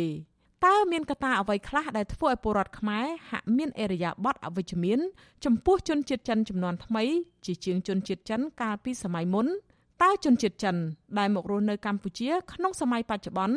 ត្រូវប្រកាន់អរិយាប័ត្របែបណាដើម្បីអាចរស់នៅប្រកបដោយភាពទុកចិត្តគ្នាជាមួយខ្មែរម្ចាស់ស្រុកចាសសូមអញ្ជើញលោកនាង ស្ដាប់បទវិភាគមួយអំពីរឿងនេះរបស់លោកទីនសាការីយ៉ាដូចតទៅឯកសារប្រវត្តិសាស្ត្រប្រទេសកម្ពុជាអះអាងថា បើទោះបីជាជនជាតិចិនមានទំនាក់ទំនងជាមួយបរតខ្មែរក្នុងវិស័យការទូតនិងពាណិជ្ជកម្មចាប់តាំងពីសតវត្សទី1នៃគ្រិស្តសករាជក្តីប៉ុន្តែជនជាតិចិនដែលមកប្រទេសកម្ពុជានៅពេលនោះមិនបានតាំងទីលំនៅជាអចិន្ត្រៃយ៍នៅលើទឹកដីកម្ពុជានោះទេពួកគេគ្រាន់តែមកបំពេញបេសកកម្មការទូតឬធ្វើជំនួញមួយរយៈពេលខ្លីរួចក៏ធ្វើដំណើរវិលទៅកាន់ប្រទេសចិនវិញរឿងរ៉ាវនៃវត្តមានរបស់ជនជាតិចិននៅកម្ពុជា ត្រូវបានបញ្ជាក់ជាថ្មីនៅចុងសតវត្សទី13នៅពេលដែលបេសកកម្មការទូតនៃអធិរាជចិនលោកជីវតាខ្វាន់ធ្វើដំណើរមកប្រទេសកម្ពុជានៅឆ្នាំ1296ហើយលោកបានកត់ត្រាថាមានវត្តមានជនជាតិចិននៅតំបន់អង្គររួចទៅហើយមុនពេលលោកមកដល់ប្រទេសកម្ពុជានៅពេលនោះជាការពិតណាស់នៅពេលនិយាយអំពីជនជាតិចិនជីវតាខ្វាន់បានរួមចំណែកច្រើនណាស់នៅក្នុងផ្នែកប្រវត្តិសាស្ត្ររបស់ប្រទេសកម្ពុជា កំណត់ហេតុរបស់លោកបានក្លាយជាឯកសារដ៏មានតម្លៃសម្រាប់ការសិក្សាស្រាវជ្រាវអំពីប្រវត្តិសាស្ត្រកម្ពុជា ជាពិសេសអំពីរឿងរ៉ាវនៅសម័យអង្គរដែលជាសម័យកាលដ៏រុងរឿងបំផុតនៃប្រវត្តិសាស្ត្រកម្ពុជាប្រការដែលគេមិនអាចប្រកែកបាននោះកំណត់ហេតុរបស់លោកជីវតាខ្វាន់ត្រូវបានអ្នកប្រវត្តិសាស្ត្រស្ទើរតែទាំងអស់មិនថាអ្នកប្រវត្តិសាស្ត្រខ្មែរឬបរទេសឡើយប្រើប្រាស់ធ្វើជាឯកសារយោងសម្រាប់ការសិក្សាស្រាវជ្រាវអំពីប្រវត្តិសាស្ត្រខ្មែរ ចំពោះនិស្សិតខ្មែរដែលសិក្សាជំនាញប្រវត្តិសាស្ត្រវិញភាគតិចណាស់ដែលថាមិនស្គាល់ឈ្មោះជីវតខ្វាន់ក្នុងរយៈពេលស្នាក់នៅតំបន់អង្គរនៃប្រទេសកម្ពុជាចន្លោះពីឆ្នាំ1296ដល់ឆ្នាំ1297លោកជីវតខ្វាន់បានកត់ត្រានៅរឿងរ៉ាវជាច្រើន អំពីទីក្រុងអង្គរនិងពីប្រទេសកម្ពុជាបើនិយាយពីទំនាក់ទំនងរវាងជនជាតិខ្មែរនិងចិននៅពេលនោះជីវតខ្វាន់ថាបរិសុជនជាតិចិននៅពេលនោះក៏បានរៀបការជាមួយស្ត្រីខ្មែរដែរ ភ័ស្តុតាងផ្សេងទៀតដែលអាចបញ្ជាក់ថាបរិសុខ្មែរមានទំនាក់ទំនងជាមួយជនជាតិចិន តាំងពីយូរលង់ណាស់មកហើយគឺរូបចម្លាក់នៃជនជាតិចិននៅលើប្រាង្គប្រាសាទរបស់ខ្មែរតួយ៉ាងដូចជាប្រាសាទបាយ័នដែលត្រូវបានកសាងប្រហែលជា100ឆ្នាំមុនការមកដល់ក្រុងអង្គររបស់លោកជីវតាខ្វាន់បើនិយាយមកដល់សម័យក្រោយៗមកទៀតពលគឺចាប់ពីសតវត្សទី17គេនៅតែបន្តឃើញមានវត្តមានជនជាតិចិននៅតាមតំបន់ផ្សេងផ្សេងទៀតនៃប្រទេសកម្ពុជា ក្នុងនោះក៏មាននៅរាជធានីភ្នំពេញខេត្តតាកែវកំពត និងដែនដីកម្ពុជាក្រោមដែលកាលនោះស្ថិតនៅក្រោមការគ្រប់គ្រងរបស់កម្ពុជានៅឡើយឯកសារប្រវត្តិសាស្ត្រអះអាងថាជនអន្តោប្រវេសន៍ជនជាតិចិនទាំងនេះបានរៀបការជាមួយជនជាតិខ្មែរហើយពួកគេបានធ្វើសមាហរណកម្មយ៉ាងឆាប់រហ័សចូលទៅក្នុងសង្គមខ្មែរនិងទទួលយកការរស់នៅតាមរបៀបរបបខ្មែរបុរាណចាប់តាំងពីពេលនោះមកវត្តមាននៃជនជាតិចិន ជាពិសេសអ្នកជាប់ខ្សែស្រឡាយចិននៅលើទឹកដីកម្ពុជាមានកាន់តែច្រើនឡើងច្រើនឡើងគិតមកដល់ទសវត្សរ៍ឆ្នាំ1560និងដើមទសវត្សរ៍ឆ្នាំ1570ប្រជាពលរដ្ឋចិនបានក្លាយជាជនជាតិភាគតិចដែលមានចំនួនច្រើនជាងគេបង្អស់នៅក្នុងប្រទេសកម្ពុជា គឺមានប្រមាណជា43ម៉ឺននាក់ក៏ប៉ុន្តែចំនួននេះបានធ្លាក់ចុះមកនៅត្រឹមតែជាង60000នាក់ប៉ុណ្ណោះនៅពាក់កណ្ដាលទសវត្សរ៍ឆ្នាំ1980អ្នកសិក្សាមើលឃើញថា ការធ្លាក់ចុះនេះអាចមានមូលហេតុសំខាន់ពីរដែលធ្វើឲ្យចំនួនជនជាតិចិននៅកម្ពុជាធ្លាក់ចុះយ៉ាងគំហុកតែក្នុងរយៈពេលប្រមាណជា10ឆ្នាំគឺដោយសារតែការបាត់បង់ជីវិតនៅក្នុងសម័យប្រល័យពូជសាសន៍ខ្មែរក្រហមនិងទី2ដោយសារតែការធ្វើទុកបុកម្នេញទៅលើជនជាតិចិនដែលនៅរស់សេសសល់ពីសម័យខ្មែរក្រហមពីសំណាក់រដ្ឋាភិបាលនៃសាធារណរដ្ឋប្រជាមានិតកម្ពុជាគ្រប់គ្រងដោយទីក្រុងហាណូយដែលជាសត្រូវរបស់ចិន និងបណ្ដាលឲ្យជនជាតិចិនមួយចំនួនត្រូវរត់ភៀសខ្លួនស្វែងរកការច្រកកោននៅប្រទេសទី3ជាការពិតណាស់ក្នុងសម័យសាធារណរដ្ឋប្រជាមានិតកម្ពុជាសេរីភាពរបស់ប្រជាពលរដ្ឋចិនឬអ្នកជាប់ខ្សែស្រឡាយចិនត្រូវបានរដ្ឋអំណាចរដ្ឋបတ်តឹងតែងដែលសំបីតែភាសាជនជាតិរបស់ខ្លួនក៏មិនត្រូវបានរដ្ឋអំណាចអនុញ្ញាតឲ្យសិក្សាដែរក្រៅពីនោះ អ្នកដែលជាប់ខ្សែស្រឡាយចិន ឬកូនចៅចិន ត្រូវបានរបបសាធារណរដ្ឋប្រជាមានិតរបស់លោកហ៊ុនសែនហេងសំរិនចំនួននោះ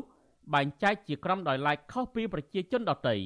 គេចុះស្ថិតិអ្នកដែលមានសម្បុរសផ្នែកតឹងនៅក្នុងបញ្ជីមួយដែលគេឲ្យឈ្មោះថាស្ថិតិ351អ្នកមានឈ្មោះក្នុងស្ថិតិ351នេះត្រូវបានគេរើសអើងមិនមានសិទ្ធិពេញលេញដោយគេឯងនោះឡើយផ្អែកលើកំណត់ត្រាប្រវត្តិសាស្ត្រគេប្រហែលជាអាចបែងចែកប្រជាពលរដ្ឋចិននៅកម្ពុជាជា3ប្រភេទគឺទី1 ពលរដ្ឋខ្មែរដែលមានដើមកំណត់ចិន ទី2ពលរដ្ឋចិនកាត់ខ្មែរឬខ្មែរកាត់ចិន និងទី3ជនជាតិចិនចំណូលថ្មី ដែលមិនសូវដឹងពីវប្បធម៌ប្រពៃណីទំនៀមទម្លាប់ខ្មែរនិងកំពុងតែបង្កបញ្ហាជាច្រើននៅក្នុងសង្គមខ្មែរបច្ចុប្បន្នចំនួននៃក្រុមជនជាតិចិនចំណូលថ្មីនេះបានកើនឡើងយ៉ាងគំហុកនៅកម្ពុជារយៈពេលប្រមាណជា20ឆ្នាំចុងក្រោយនេះក្នុងពេលដែលទំនាក់ទំនងរវាងរបបលហ៊ុនសែននិងក្រុមបកកុម្មុយនីសចិនកាន់តែមានភាពរឹងមាំក្នុងចំណោមពួកគេ ក្រៅតែពីជាអ្នកជំនួញនិងវិនិយោគិនដែលខ្លះមិនសូវមានការទទួលខុសត្រូវនិងគោរពសិទ្ធិមនុស្សក៏មានអ្នកប្រព្រឹត្តលបែងស៊ីសងអំពើចារកម្មចាប់ចម្រិតបេសយាចារជួញដូរគ្រឿងញៀនក្រុមបងតូចបងធំ ប្រព្រឹត្តបទអក្រិតនិងបង្កអំពើហិង្សានៅក្នុងសង្គមខ្មែរហើយបរដ្ឋខ្មែរភៀសច្រើនមិនសប្បាយចិត្តឡើយចំពោះវត្តមាននៃក្រុមជនជាតិចិនចុងក្រោយនេះបើតាមកំណត់ត្រាប្រវត្តិសាស្ត្រជាការពិតណាស់ប្រជាពលរដ្ឋខ្មែរក្នុងសម័យបុរាណ មិនបានសប្បាយចិត្តនឹងវត្តមាននៃជនជាតិចិនទាំងស្រុងនោះទេដោយសារតែជនជាតិចិនត្រូវបានបរដ្ឋខ្មែរចាត់ទុកថា បានមកដណ្ដើមទីផ្សារការងារនិងរបរចំនួនជួញដូររបស់បរដ្ឋខ្មែរនិងកាន់កាប់សេដ្ឋកិច្ចរបស់ខ្មែរស្ទើរតែពីថ្នាក់មូលដ្ឋានដល់ថ្នាក់ជាតិដោយសារតែជនជាតិចិនភាគច្រើនជាអ្នកពូកែរកស៊ីជាអ្នកចង់ការប្រាក់ឲ្យខ្មែរនិងជាអ្នកលក់ដូរនៅតាមទីផ្សារខុសពីបរដ្ឋខ្មែរភាគច្រើនជាអ្នកធ្វើស្រែចម្ការ ការលើកឡើងរបស់លោកតាក្រមងុយនៅក្នុងសម័យបារាំងត្រង់កន្លែងថាខ្មែរចេះតែកិនចិនចេះតែកត់គឺអាចបញ្ជាក់បន្ថែមថាជនជាតិចិនគឺជាអ្នកជំនួញនៅកម្ពុជាស្ទើរតែគ្រប់សម័យកាលបើទោះជាបែបនេះក្តីអេរិយាប័ត្ររបស់ជនជាតិខ្មែរចំពោះជនជាតិចិននៅសម័យកាលមុនមុនហាក់នៅមានភាពវិជ្ជមានច្រើនបើប្រៀបធៀបជាមួយអេរិយាប័ត្ររបស់ខ្មែរចំពោះជនជាតិចិនថ្មី នៅក្នុងសម័យបច្ចុប្បន្នការបាត់បង់នេះត្រូវបានគេមើលឃើញថា បង្កឡើងដោយជនជាតិចិនចំណូលថ្មីដែលមិនសូវផ្ដល់តម្លៃដល់ខ្មែរម្ចាស់ស្រុកមិនខ្វល់ខ្វាយពីវប្បធម៌ប្រពៃណីទំនៀមទម្លាប់របៀបរបបរស់នៅរបស់ខ្មែរនិងពេលខ្លះមានការប្រមាថមើលងាយរំលោភសិទ្ធិបរតខ្មែរថែមទៀតនេះគេនៅមិនទាន់និយាយដល់ភាពអនាធបត័យបញ្ហាអសន្តិសុខនិងសោកនាដកម្មនៅក្នុងសង្គមខ្មែរបង្កឡើងដោយជនជាតិចិនគ្មានសណ្ដាប់ធ្នាប់និងគ្មានការទទួលខុសត្រូវមួយចំនួនផង អ្នកតាមដានស្ថានភាពសង្គមកម្ពុជាធ្លាប់លើកឡើងថាការមិនផ្ដល់តម្លៃដល់ជនជាតិចិនជាអ្នកចំណូលថ្មីមកលើខ្មែរម្ចាស់ស្រុកគឺពិបាកធ្វើឲ្យខ្មែរមានអរិយាប័ត្រវិជ្ជមានចំពោះជនជាតិចិននៅក្នុងពេលបច្ចុប្បន្នពួកគេផ្ដល់ទស្សនៈថាជនជាតិចិនជាអ្នកចំណូលថ្មី គួររៀនសូត្រតាមជនជាតិចិនពីសម័យមុនដោយចេះរៀនរស់ចេះសម្របខ្លួនផ្ដល់តម្លៃដល់ខ្មែរម្ចាស់ស្រុកតាមរយៈការសិក្សាពីវប្បធម៌ខ្មែរភាសាខ្មែរ និងធ្វើសមាហរណកម្មចូលទៅក្នុងសង្គមខ្មែរទើបខ្មែរអាចរស់នៅដោយពេញចិត្តជាមួយជនជាតិចិនបានមិនមែនតែខ្មែរទេដែលមិនពេញចិត្តនឹងជនជាតិចិនថ្មីនេះសូម្បីតែជនជាតិចិនខ្លះក៏មិនពេញចិត្តនឹងអត្តចរិតរបស់ជនជាតិខ្លួនឯងនៅលើទឹកដីខ្មែរដែរអតីតឯកអគ្គរដ្ឋទូតចិនប្រចាំកម្ពុជាលោកសុងប៉ូធ្លាប់ទទួលស្គាល់ថាជនជាតិចិនមួយចំនួននៅកម្ពុជាពិតជាបានប្រព្រឹត្តសកម្មភាពខុសច្បាប់ជាច្រើន ដែលធ្វើឲ្យប៉ះទង្គិចដល់សតិអារម្មណ៍ប្រជារដ្ឋខ្មែរនិងធ្វើឲ្យប៉ះពាល់ដល់ទំនាក់ទំនងរវាងកម្ពុជាចិនផងដែរទោះជាយ៉ាងណាក៏ដោយបទល្មើសបង្កឡើងដោយជនជាតិចិននៅតែឃើញកើតមាន និងពេលខ្លះមានរងទ្រាយកាន់តែធំជាងមុនទៀតផងក្រៅតែពីបញ្ហាវត្តមានជនអន្តោប្រវេសន៍ចិនដែលគ្មានសណ្ដាប់ធ្នាប់ជនជាតិខ្មែរមួយចំនួនធំ ជាពិសេសអ្នកដែលត្រូវបានរបបលហ៊ុនសែនធ្វើទុកបុកម្នេញខាងផ្នែកនយោបាយនិងរំលោភសិទ្ធិមនុស្សកំពុងតែចាត់ទុកចិន ជាតួអង្គរួមចំណែកបង្កគ្រោះថ្នាក់ដល់អនាគតប្រទេសកម្ពុជាដោយសារតែចិនគ្រប់គ្រងពេញទំហឹងរបបផ្ដាច់ការរបស់លហ៊ុនសែនមិនដាល់ខ្វល់ខ្វាយសំបីតែបន្តិចពីការរំលោភសិទ្ធិមនុស្សការបំផ្លិចបំផ្លាញប្រជាធិបតេយ្យហើយពេលខ្លះដែលសំបីតែការរំលោភសិទ្ធិមនុស្សបង្កឡើងដោយគម្រោងវិនិយោគរបស់ក្រុមហ៊ុនចិននៅកម្ពុជាក៏រដ្ឋាភិបាលចិនមិនយកចិត្តទុកដាក់បណ្ដាច់បណ្ដោយឲ្យក្រុមហ៊ុនចិនរំលោភបំពានលើប្រជារដ្ឋខ្មែរហាក់គ្មានការក្រាញញញើតឡើយក្នុងផ្នែកនយោបាយ ជំហររបស់ទីក្រុងប៉េកាំងចំពោះកម្ពុជាអាចឲ្យគេមើលឃើញថាទីក្រុងប៉េកាំងយកចិត្តទុកដាក់តិចតួចណាស់អំពីបញ្ហារបស់ខ្មែរជាទូទៅប៉ុន្តែកំពុងចាប់ក្រុមនយោបាយមួយដែលផ្ដាល់ផលប្រយោជន៍ដល់ខ្លួនហើយបោះបង់ចោលក្រុមអ្នកនយោបាយមួយផ្សេងទៀតដែលខ្លួនក៏ត្រូវមានកាតព្វកិច្ចការពារក្នុងនាមជាហត្ថលេខីនៃកិច្ចព្រមព្រៀងសន្តិភាពទីក្រុងប៉ារីសឆ្នាំ1991ដែរនោះគេនៅចាំបានថានៅក្នុងឆ្នាំ1979 ចិនបានជួយការពារក្រុមខ្មែរក្រហមដោយលើកទ័ពចូលធ្វើសង្គ្រាមជាមួយវៀតណាមដើម្បីជាការប្រដៅមេរៀនដល់វៀតណាមដោយប្រហើនហ៊ានលើកទ័ពចូលបដូររំលំសម្ព័ន្ធមិត្តរបស់ខ្លួនគឺខ្មែរក្រហមដែលពេលនោះលោកហ៊ុនសែនគឺជាសម្ព័ន្ធមិត្តរបស់វៀតណាមដែរចំណែកនៅពេលបច្ចុប្បន្នចិនក៏ជាអ្នកចេញមុខការពារលោកហ៊ុនសែននៅពេលលោកហ៊ុនសែនទទួលសម្ពាធរបស់សហរដ្ឋអាមេរិកសហភាពអឺរ៉ុបនិងប្រទេសប្រជាធិបតេយ្យផ្សេងទៀតដោយសារតែរបបលោកហ៊ុនសែនរំលោភសិទ្ធិមនុស្ស បំផ្លិចបំផ្លាញប្រជាធិបតេយ្យធ្វើទុកបុកម្នេញលើគណៈបកប្រឆាំងអ្នកការពារសិទ្ធិមនុស្សសកម្មជនការពារធនធានធម្មជាតិនិងអ្នកសារព័ត៌មានជាដើមជារួមក្នុងបរិបទទំនាក់ទំនងរវាងកម្ពុជាចិននាពេលបច្ចុប្បន្នចិនហាក់នៅមិនទាន់អាចធ្វើឲ្យបរដ្ឋខ្មែរជាទូទៅមកពីគ្រប់និន្នាការមានអរិយាប័ត្រវិជ្ជមានចំពោះជនជាតិចិនបានឡើយទាំងទៅលើជនជាតិចិនដែលជាអ្នកចំណូលថ្មីទាំងទៅលើរដ្ឋាភិបាលនៃបកកុម្មុយនីសចិន នៅក្នុងប្រវត្តិសាស្ត្រកម្ពុជាប្រជាពលរដ្ឋខ្មែរមិនមានអរិយាប័ត្រវិជ្ជមានឡើយចំពោះជនបរទេសដែលប្រមាថមើលងាយខ្មែរជាម្ចាស់ស្រុកហើយក៏មិនអោយតម្លៃឡើយរដ្ឋបរទេសទាំងឡាយណាដែលចាប់ក្រុមអ្នកនយោបាយមួយលើកដំកើងបំរើផលប្រយោជន៍ខ្លួនឯងហើយមិនរវីរវល់ទុកលំបាករបស់ក្រុមមួយផ្សេងទៀតដែលត្រូវបានគេជិះជាន់សង្កត់សង្កិនជាក់ស្ដែងភាពមិនទុកចិត្តរបស់បរតខ្មែរចំពោះជនជាតិវៀតណាមនិងជនជាតិថៃ នៅតែបន្តមានរហូតដល់ពេលបច្ចុប្បន្នព្រោះថាជនជាតិទាំងពីរដែលជាអ្នកជិតខាងរបស់កម្ពុជានេះធ្លាប់ជាអ្នកមើលងាយធ្វើបាបនិងលុកលាន់ចូលការងារនយោបាយរបស់ខ្មែរដោយលើកបន្ទប់និងផ្ដាល់ការការពារដល់ក្រុមមួយហើយមិនរវីរវល់ដល់ក្រុមមួយទៀតដែលត្រូវគេជិះជាន់សង្កត់សង្កិនសរុបសេចក្តីមក ជនជាតិចិនជាអ្នកចំណូលថ្មីត្រូវតែកែប្រែអត្តចរិតរស់នៅប្រកបដោយសិលធម៌និងការទទួលខុសត្រូវចំពោះប្រជាខ្មែរម្ចាស់ស្រុក សម្រាប់រដ្ឋាភិបាលចិនវិញក្នុងនាមជាប្រទេសហត្ថលេខីនៃកិច្ចព្រមព្រៀងសន្តិភាពទីក្រុងប៉ារីសចិនត្រូវតែមានកាតព្វកិច្ចចូលរួមជំរុញឲ្យមានការសម្រោះសម្រួលរវាងភាគីនយោបាយខ្មែរដែលនៅមិនទាន់ចុះសម្រុងនឹងគ្នាដើម្បីឲ្យមានឯកភាពជាតិក្រៅពីនោះចិនក៏មានកាតព្វកិច្ចចូលរួមជំរុញឲ្យកម្ពុជាកាន់តែយកគោលការណ៍អព្យាក្រឹតការបោះឆ្នោតប្រកបដោយសេរីត្រឹមត្រូវនិងយុត្តិធម៌តាមបែបលទ្ធិប្រជាធិបតេយ្យនិងជំរុញឲ្យមានការគោរពសិទ្ធិមនុស្ស ដែលមានចែងនៅក្នុងកិច្ចព្រមព្រៀងសន្តិភាពទីក្រុងប៉ារីសឆ្នាំ1991ខ្ញុំទីនសាការីយ៉ាអសិលសេរីប្រធានីវ៉ាស៊ីនតោន